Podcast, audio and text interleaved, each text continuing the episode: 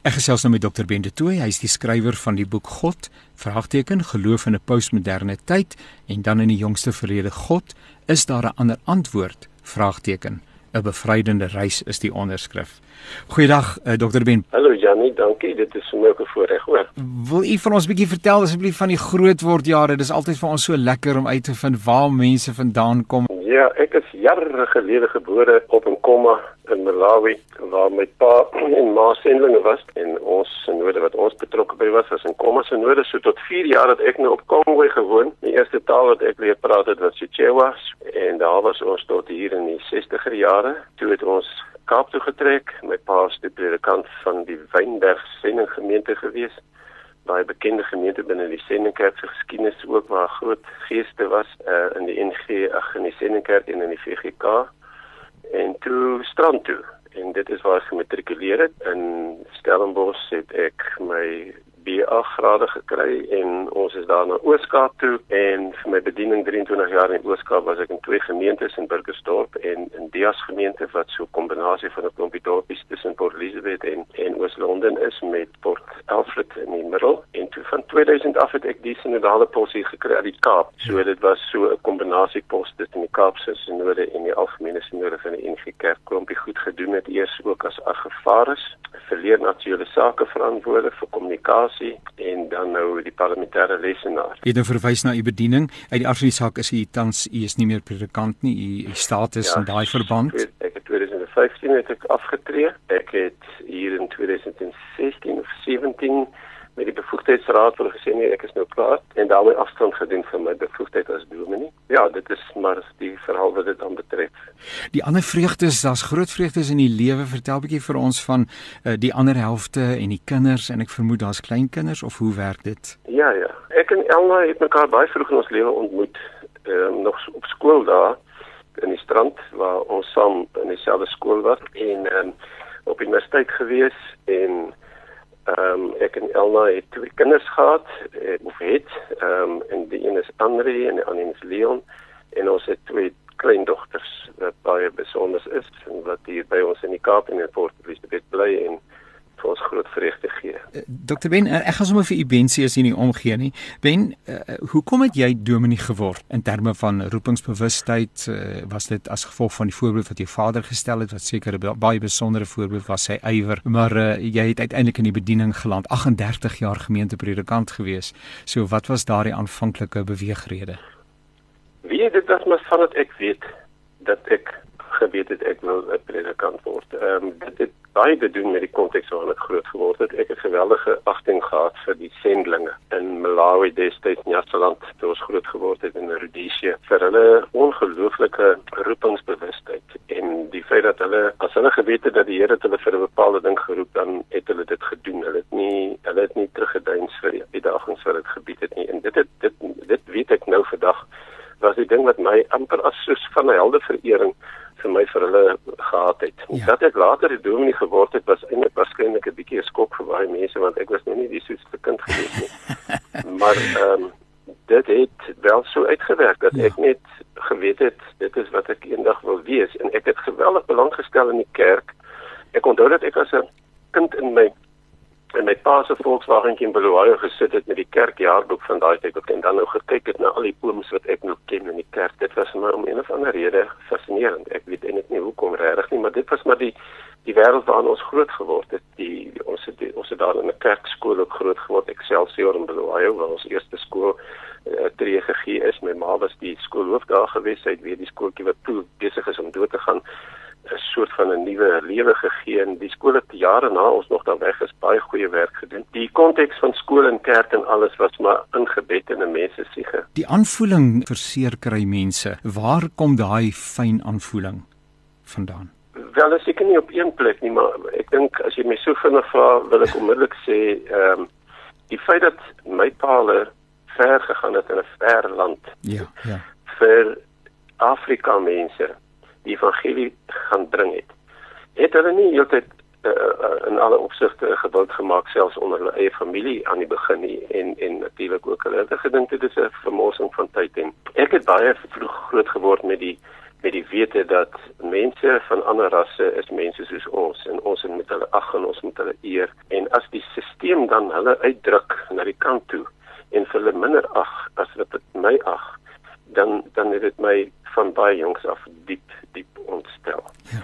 Ek dink uh, dis die saak van die underdog, die een wat lê onder die stelsel wat nie 'n keuse het daarin. Dit gaan daaroor dat dis nie 'n keuse nie. Ek is wie ek is nie omdat ek 'n keuse het om te wees wie ek is nie, maar net op grond van wie ek is, is ek 'n minderwaardiger mens as iemand anders. Dit is 'n diep 'n diep passie by my dat dit nie so behoort te wees. Die enige soort van ja. stelsel of struktuur wat dit wat dit bevestig en ja. wat daardie goed voortsit. Ja.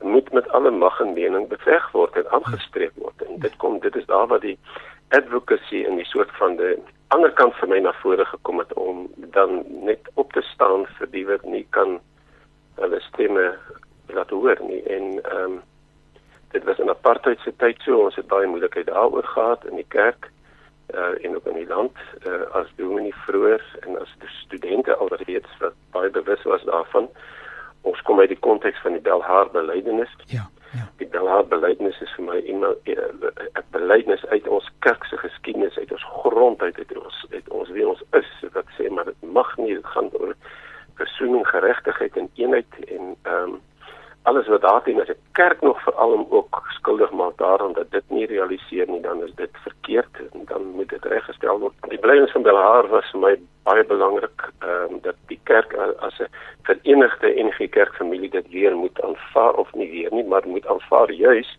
as 'n reaksie teen die eie kerk se geskiedenis van apartheid en te sê maar ons is nie meer so nie. Ons trek 'n streep daardeur. Ons is nou sus. Ja. En ons is dit op grond van die evangelie en dit was vir my baie baie belangrik. Wat daarmee saamhang is is u u kritiese uh ingesteldheid ten opsigte van dinge dat dit beredeneer moet word, dat dit gefundeer moet wees, dat dit wetenskaplik teologies watter ander begrondinge ook al wil maar nie uit die lug gegryp moet wees nie, maar en dat u nie geskroom het om 'n getuienis te lewer in die verband wanneer u gevoel het maar hier loop die saak nie reg nie. Ja. Is dit ook van jongs af of het iemand u kwaad gemaak? nee nee, dit hang saam hiermee. Dit ja. hang saam hiermee met hierdie uh ehm uh, uh passiewe geregtigheid. Want die kind punt is nou as jy nou teen die teen die magte jouself moet opstel ehm um, omdat jy teen die onreg wat aan mense gedoen word of hulle nou 'n ander ras is of ander seksuele oriëntasie het dan moet jy kom met goeie argumente. Jy moet kom met absolute grondige argumente. Jy kan nie uit die lug uitgryp en jouself so blootstel nie en daarom was die die integriteit van ons geloofs-oortuigings was my verskriklik belangrik van die begin af dat ons moet dit kan sê ons die integriteit van die manier waarop ons die Bybel gebruik ja. was my verskriklik belangrik en dat ons daarom die Bybel nie moet misbruik vir ons eie doeleindes nie maar dat ons 'n verantwoorde uh, hermeneutiek moet toepas om uit die Bybel en uit ons belydende skrifte ons geloof wat ons bely integriteit te verleen in terme van uh, die, die manier waarop ons lewe so ehm um, dat daar dus 'n baie sterker rasionele argumentatiewe aandrang is omdat jy jou op 'n synode opstaan en jouself moet verduidelik en verdedig het uh, daartoe gelei dat dit 'n kritiese stem geword het. Die twee boeke waarna daar verwys word, naamlik 'n God geloof in 'n postmoderne tyd en dan later 'n God is daar 'n ander antwoord. Uh, ek ek let met nou op toe ek net weer na die boek kyk uh, op die agterblad God vraagteken geloof in 'n postmoderne tyd. En dan uh, die nuwe boek, uh, meer meer onlangse boek sê God is daar 'n ander antwoord en dan kom die vraagteken daar. Die reis kan jy vir ons ietsie van die motivering uh, vir die skrywers en die reis wat intussen plaasgevind het? Want u was met die eerste skrywe nie waar u nou is nie. Of was u? Ja nee kyk ek het tot met my aftrede was my my werklike fokus in die kerk gewees om ons geloof wat ons bely ehm um, so rasioneel insigtelik as moontlik te verdedig en ehm um, ek het met my alles wat ek geskryf het daai eerste boek is 'n voorbeeld daarvan van hoe dit ons binne die tydperk waar ons nou lewe wat sommige postmoderne tyd noem en ander laatmoderne tyd wat waarskynlik 'n nadere aanduiding is daarvan hoe dat ons hier binne 'n totaal ander wêreld en konteks as waar in die Bybel ontstaan het en ons belydenisskrifte ontstaan het. Hoe dat ons ons geloof kan bely. Nou alles wat ek geskryf is voorbeelde van hoe dat ek in artikels en in uh, skrywes wat ek gedoen het en in korrespondensie myself daarvoor uitgegee om dit te doen om met ander woorde ons geloof te bely. In, in, in, in die laaste jaar van my bediening in 2015, die algemene sinode van 2015, is daar 'n verslag van die leer en aktuele sake taakspan aanvaar as 'n gespreksdokument met die titel Ons Christelike geloof en die moderne wetenskap waarin ons ehm um, baie wat na my mening die heel beste wat ooit in die kerk nog verskyn het, beredenering gee van hoe dat ons verantwoord die Bybel kan gebruik binne ons tyd en hoe dat ons verantwoord die die belydenis kan gebruik. Ehm um, ek het die deel van belydenis nogal gedoen oor die Heidelberg Katekismes in die Nederlandse geloofsbredes artikel 13 en 12.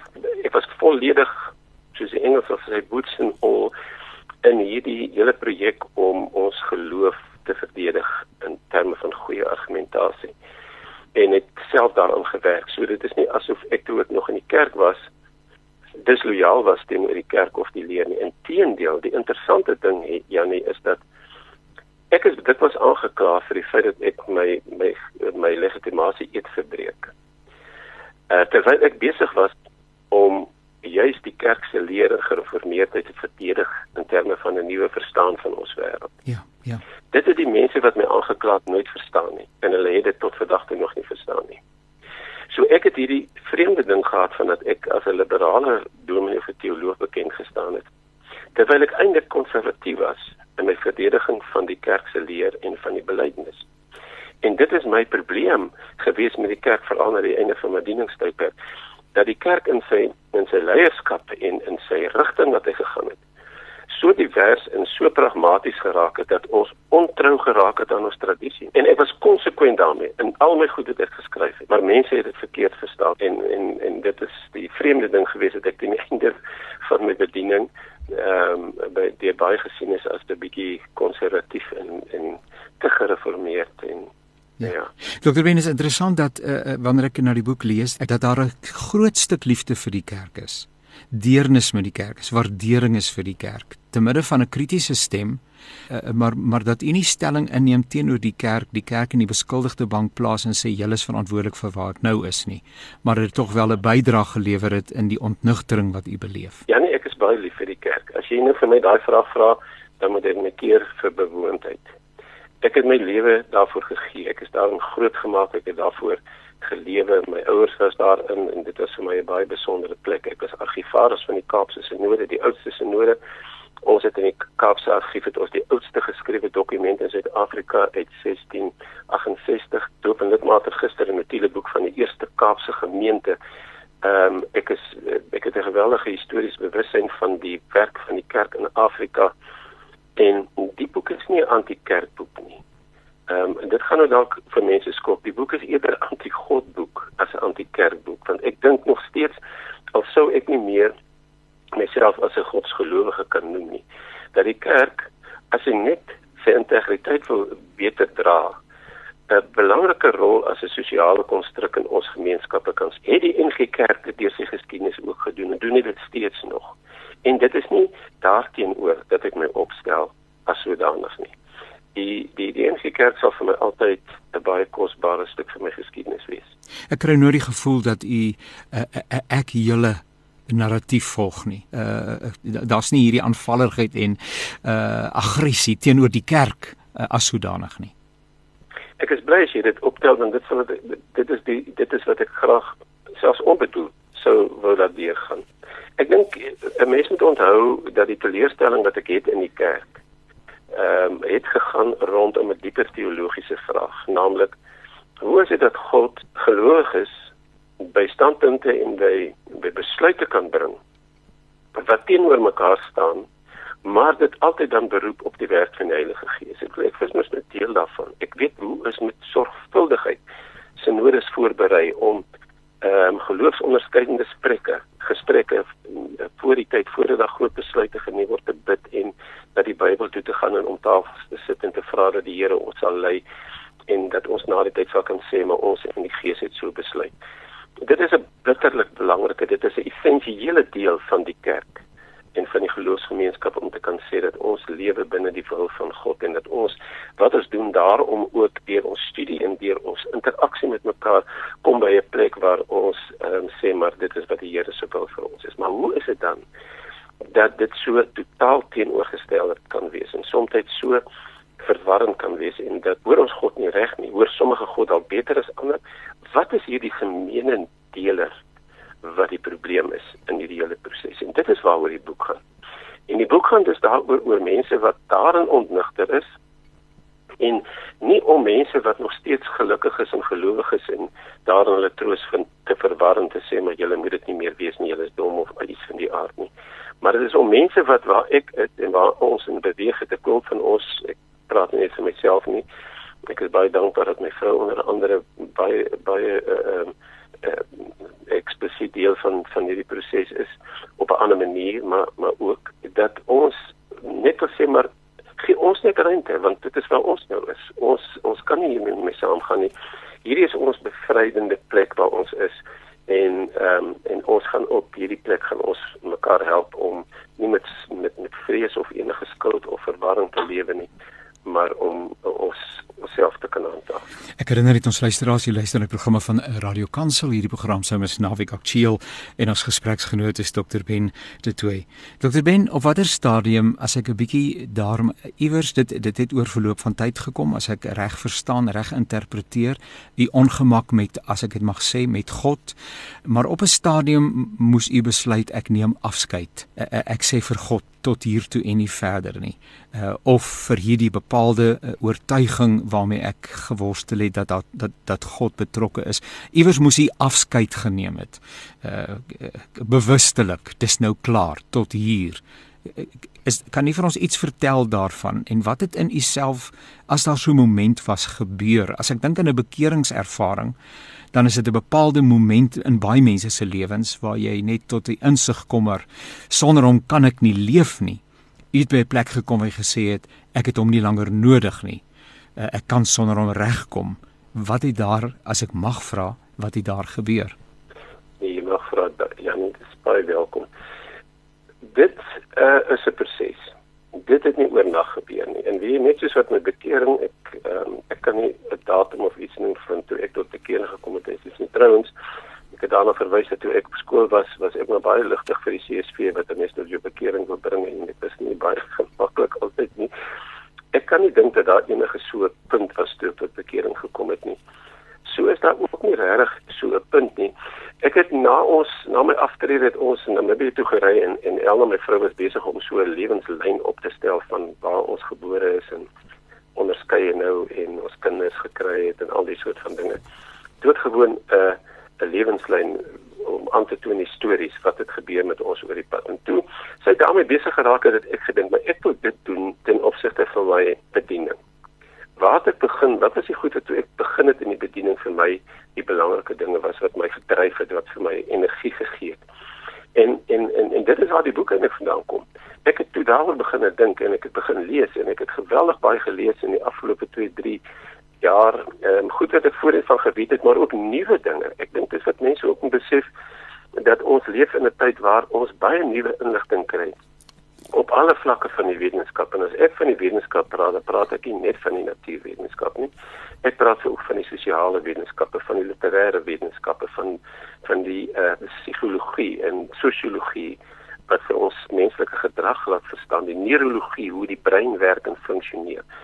As ek nou maar dink aan die hele ding van tektoniese plate wat geskuif het met die vorming van die aarde wat in die 20er jare as 'n as 'n hipotese deur Suid-Afrikaners nogal daai tyd uh, aangebied is. is maar eers in die 70er jare van die vorige eeu regtig as 'n uh, teorie begin aanvaar en daarmee gewerk. So ons ons sit met 'n nuwe wêreld en nuwe kennis. Dit boeke van Yuval Harari van Peter Watson en dan van byvoorbeeld ek is my brein van Schwab. Daar is daar is talle en talle video's waarna 'n mens kan kyk vandag. Jy kan in jou kamer sit en jy kan op die hele wêreld inskakel op jou selfoon en jy kan eerstehands hoor hoe praat die mense, hoe het skrywers op bepaalde goed gereageer. So ons is in hierdie aan die begin van die vierde nywerheidsrevolusie van kunsmatige intelligensie, van logaritmes en algoritmes hoe dat ons lewe daardeur bepaal word deesdae vandag. En dit alles het vir my net al meer laat besef maar die paradigma van van geloof in 'n metafisiese uh transcendente mag of 'n figuur en die kennis daarvan gebaseer op dokumente wat uit 'n voorwetenskaplike tydperk kom werk net doodgewoon nie meer vir my nie. Geen meer vir my het nie wat ons graag praat van oplossende waarde in die uitdagings van ons tyd vandag nie. Dit is miskien op 'n sielkundige vlak het dit vir mense uh, waarde, maar as dit gaan oor die groter vraag van ons tyd en van globaal die wêreld, ehm um, het dit nie meer 'n uh, bepalende rol te speel oplossend in elk geval nie. Trouwens, meeste van die kere sal mens agterkom dat godsdienst weens die aard daarvan, die fundamentele aard daarvan verdelend is. Daar is die ingroep en die uitgroep en daar's eksklusivisme ingebou in godsdienst wat nie ehm um, hierdie uh, aanpak tot gesamentlikheid en tot 'n breër soort van kennisname uh, bevorder nie. So ehm um, dit was dis 'n geleidelike proses Jannie wat my net op 'n dag laat besef het ek het hiervan weg beweeg. Ek kyk nou terug en ek besef ek kan nie meer daarna toe teruggaan nie. As ek um, lees Tamar bly stil. Uh, die hele ja. verhaal van Tamar en wat in Absalom se huis gaan bly het na die gebeure 2 Samuel 13 vers 19 tot 20 en dan kom jy en hy sê daar en sy was 'n wrak dan kom jy in daai bepaalde hoofstuk by die plek waar hy sê en Suid-Afrika was en uh, miskien moet ons op 'n manier sê Suid-Afrika is uh, tans nie op 'n baie goeie plek nie. Dit uh, dan nou aan die een kant en dan daarmee saam haal hy in daai bepaalde hoofstukke klomp goeters aan wat in die loop van die wêreldgeskiedenis en ons eie geskiedenis gebeur het. En telke male uh, ja, ek probeer versit te formuleer want ons gesels saam, vind jy God onmagtig of onbekwaam om tussen beide te tree. My ervaring is u soek iemand om voor kwaad te wees. U soek iemand om die skuld voor te gee. Daarom noem hy ook uh, God die olifant in die kamer. Niemand praat oor God wat ek self problematies vind want ek dink hierdie gesprek wat ons tans het is op is in 'n Christelike radiostasie en in die media en op baie ander plekke worstel mense openlik oor God en mag ons vir God vra vra. Ag ons ernstig met God worstel soos wat die psalmdigter doen. Help net vir my 'n bietjie iets rondom die die die want hierdie teks speel 'n geweldige belangrike rol by u. En en en u het gehoop en baie van ons hoop dat God op 'n bepaalde manier sal opdaag en nou daag hy nie so so op nie. Hy handel nie so, hy tree nie so toe nie. 'n Probleem oplossend, ingrypend eh, en u gevolgtrekking is, eh, wel dan dan gee hy nie om nie of dan bestaan hy nie? Ja nee, jy, nee, jy vra baie dinge maar ek gaan probeer. Ehm um, en ek weet nie of ek nou jou vraag na reg wat geskied nie. Die ontstaan van godsdiens het te doen gehad met die feit dat die mens met sy vermoë en breinkapasiteit om abstrakt te kan dink, om esteties ook te kan wees. Ja. Ehm en en en om om te sien die gebeure wat plaasvind met hulle self as individue maar ook as stamme of as groepe mense, die vermoë gehad het om hulle te verbeel dat daar 'n mag is wat hieroor beheer het en dat hulle dus daaraan hulle self en aanbid en so meer die ontstaan van godsdienste oor die hele wêreld. In alle plekke waar daar mense was het godsdienste ontstaan wat nie dieselfde is nie wat van mekaar verskil. En so dat dit was die die oorspronklike ontstaan van godsdienst kan 'n mens eintlik evolusionêr aandui. Wat daar nou tans is is dat ons weens dieselfde uh te danke aan dieselfde evolusionêre proses op 'n plek om waar godsdienst nie meer daardie funksie noodwendig vervul nie en in my geval glad nie meer vul nie. Want ons het ander maniere gekry om te dink oor die reën wat val en die donder weer wat blits. En hoekom daar siektes is en hoekom sommige mense gesond word en ander nie. En en daarom uh, um ek bedoel een van die grootste mislukkings van enige gebedaksie in my tyd is Zimbabwe wat is waar dit is vandag. As ek dink ons in daardie tyd in die bediening toegetree het en gebid het. Ek bedoel ek het kom uit daai land uit. Ek het in 2010 deur daai dorp waar ek groot geword het, daai stad Bulawayo gery en ek kon nie asemhaal nie om te sien wat 'n destruktiewe uh verval het hierdie wonderlike mooi stad in beland en dit is nie asof die mense wat in die koloniale tydperk daar geleef het nou beter af is nie. Goed, hulle het 'n ander statuur, maar hulle leef in ellendige armoede. En daar is hulle geen hoop nie. En hulle leiers bedrieg hulle verder en leef in weelde terwyl hulle ondergaan. So, hoe op die aarde kan 'n mens 'n God wat liefhet en wat genadig is en wat omgee aan so iets verbind. As 'n mens dus nou in God glo, dan moet jy op 'n manier hom die skuld gee of hom aandadig maak. Hoe spreek jy hom vry as jy bely dat hy oor jou hele lewe beskik? Hoe spreek jy hom vry hy ons geleer het voordat jy die dag op reis gaan moet jy DV eers vra soos die Here wil bepaal dat die Here vir ons sal bewaar op hierdie pad. My ma en haar ma is albei in motorongelukke dood 11 jaar uitmekaar uit. Dis albei op sendingstasies in Afrika begrawe. Nadat daardie oggend hartstogtelik gebid is dat ons veilig op die pad sou wees. So as as dit nie meer werk nie, as dit nie meer 'n probleem of die vraag wat ontstaan het beantwoord nie, dan kom jy op 'n punt dat jy daarvan afstand doen en dan besef jy maar dit help nie. Ons moet anders hierna kyk, ons moet na die logika en ons moet maar gaan kyk na wat sê YR as ons wil iewers heen ry om te sien of dit gaan reën of nie hierdie uh, klude wat nou gekom het hier by ons in die noorde ja. was absoluut aanduibaar weke al voor die tyd en almal het geweet en kon gereed maak daarvoor dit het ons nie onverhoeds oorval nie. COVID op hierdie stadium, die eerste keer in die geskiedenis van 'n nuwe siekte wat uitbreek. Binne 'n jaar is daar enkstowwe. Ek bedoel dit is absoluut ongehoord in die geskiedenis van die mensdom. Ehm um, daar's nou soveel kritiek wat nou teen die regering en alles is oor die COVID uh, situasie, maar nie een van ons was al weet in so 'n situasie nie. Ek dink globaal hanteer die wêreld dit nog juis omdat hulle werk op grond van wetenskaplike inligting en voorspraak en uh, uh, hanteer dit nogal deksels goed dat dit nie in 'n groter katastrofe ont, ontaard het as wat dit sou gewees het nie. So vir hierdie soort groot globale uitdagings wat daar in die wêreld is, Janie, sien ek nie meer dit nie. Andersins sit jy met die probleem wat Tama gehad het, maar ehm um, terwyl sy 'n wrak is, met wat met haar gebeur het deur haar eie broer se toedoen, sê die ander broer vir haar bly liewer stil. Bly liewer stil. Dokter Ben, ons ons tydjie loop uit en ek ek ek sou so lank met u wou en gesels. Ehm um, maar uh, kan ek net vra uh, net net korter uh, net so twee of drie uh, laaste vrae. So hoekom sou 'n mens die skuld voor God lê en nie voor die mens nie?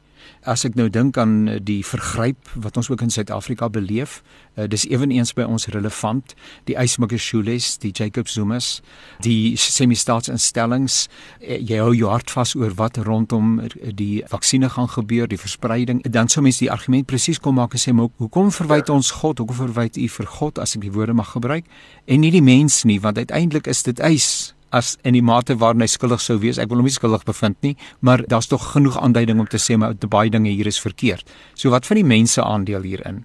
U en my aandeel ja, daarin. Absoluut, dit is absoluut bepalend. Dit is die mense wat wat wat dit veroorsaak.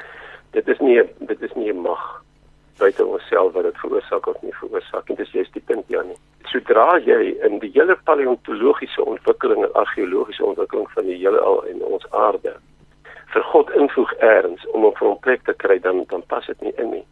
Dit is die hele punt. Ehm um, want selfs die kerk, uh ehm um, die kerk is mense wat feilbaar is, maar wat hulle absoluut afhanklikheid van God bid en vra. Ons is 80% van hierdie land is Christelike mense wat hulle self aan God wy. Vir wie godsdienst belangrik is en ons is in Afrika dat die mees godsdienstige kontinent is en kyk hoe lyk hy. Nou kan 'n mens sê ja, maar dit is die misterie van God. Of jy kan sê uh, maar ons het daarin die ware God en dis die ander ons se God wat nie reg is nie dit maak dit nog net meer moeilik. Dr. Ben, ek ek wil uh, een opmerking maak as jy dit sal toelaat en dan 'n laaste ja, vraag vra. Die opmerking is uh, ek dink die worsteling met God ehm um, is is nie beperk en geïsoleerd nie. Ek dink die geloofsgemeenskap in minder of meerdere mate, uh, veral in die tyd waarin ons lewe, omdat ons nog nooit gekonfronteer was met uh, iets so ingrypend soos wat ons tans ervaar rondom COVID-19 en die sterftes en alles wat daarmee gepaard gaan nie en die uh verontmensliking en die armoede en noem maar op. Ek ja. vra ook my vrae. Uh, ek is eerlik daaroor. Mense wat my ken sal weet dat ek dikwels worstel en dat ek soms huil daaroor. Huil voor God daaroor omdat ek nie verstaan hoe en waar hy inpas nie. En dan in my tuin is daar 'n kruis en ons het daar's 'n liggies wat op die kruis is in die dag dan uh tel hy die sonenergie op en vanaand dan uh, gaan daardie kruise liggies aan. En wanneer ek in die aand gaan slaap en ek kyk by die venster uit, dan weet ek daar is vir my geen ander troos as die troos van die kruis nie. Uh, en, en so so kies u en ek vir twee verskillende en ek respekteer u soos wat u ook my respekteer en uh, ons wederzijds ook ander mense respekteer. Uh, ek kies ons vir twee totaal uiteenlopende maniere van vrede maak met die gebrokenheid rondom ons. Ja. Jy's reg. En ek sou vra dat ons mekaar dit toelaat om dit te doen. As ons dit nie doen nie, dan dan dan snyk ons die hele humanitas projek as ek dit ja. so instel. Dan dan ehm um, dit is die, dit is die verskriklike ding dat dat mense uiteindelik in oorlog en vyandskap teenoor mekaar uitbreek en mekaar uitmoor en mekaar eh, vernietig op allerlei maniere. Ja. Maar dan moet 'n mens ook sê dat wanneer iemand in 'n totale sosiale konstruk glo, dan moet daardie sosiale konstruk, wat dit ook al mag wees, kerk of vereniging of wat ook al, moet die feit van die menswaardigheid van alle mense onderreer. Dit is amper wil ek sê vanuit ons grondwet en die handves van regte is ons as burgers daartoe verbind om om ons daarvoor te beywer. En dat dit wat daarteen uh uh um, ingaan om dit uit te wys en te sê dat dit kan nie. In ja. u uh, boek in die addendum wat u skrywe, verwys hy na Leonard Cohen en na twee liedere. Hierdie uh, spesifieke lied se naam is Leaving the Table en ek haal aan in ja. hierdie lied is dit asof hy vir God wil sê ek hou jou vir niks verantwoordelik nie. Moet jou nie ja. bekommer nie, daar sal geen klag kom nie. Jy hoef nie te gaan soek vir 'n regsverteenwoordiger nie. Ek is moeg. Ek vat eenvoudig my goed en ek loop. Ek is uit die spel. En dan sê u ja. dis waar ek nou is. Nee, eintlik alreeds ander kant dit want daar is nie meer 'n fiktiewe gesprek gesprek tussen my en 'n metafisiese entiteit nie. En dan die woorde en tog kolletjie kolletjie kolletjie. Het jy klaar ja. gedink oor God? Ja. En dan gaan ek aan en ek sê wat in 2019 gebeur het van die kerk. En ek al vir Nietzsche ook aan. Inderdaad, ek uh, dit is so. Ja, wat wat gesê het um, en dit is my altyd die die aangrypende ding van Nietzsche wat gesê het voor in sy later lewe voordat hy heeltemal soort van eh uh, kranksinnig geraak het is dit hy gesê het hy hoop dat daar iemand het hom gaan vertel dat hy verkeerd was. Ehm um, wie ehm um, ja die pad gaan nou nie op nie. Definitief nie ja nie. Maar dit daar's nie terugkeer na bo kan die waterval waaroor ons gekom het nie. En ek wil nooit weer daar wees nie. Dit is 'n ongelooflike bevrydende reis hierdie en ehm um, en maar klaar gedink as ek hoegenaamd nie hoe sal ek ooit dit wees? Dit sal absoluut arrogant wees om dit te sê. Dokter Wende twee baie dankie vir hierdie lekker openlike openhartige en eerlike gesprek. Ek waardeer dit opreg. Goeie gesondheid vir u en vir Elna uh, die kinders en die kleinkinders. En uh, ons tussen uh, vir wat dit werd is ons bid vir mekaar. vir die inhoud ook al daarvan mag ja. wees uh, dat die Here ook ja. in waarheid sal hê. Seënwense vir u en baie baie dankie vir die saamkuier. Dankie, dankie vir jou en die gesindheid ook Jannie. Ek is lief vir julle. Kyk mooi na julleself. Seënwense. Totsiens.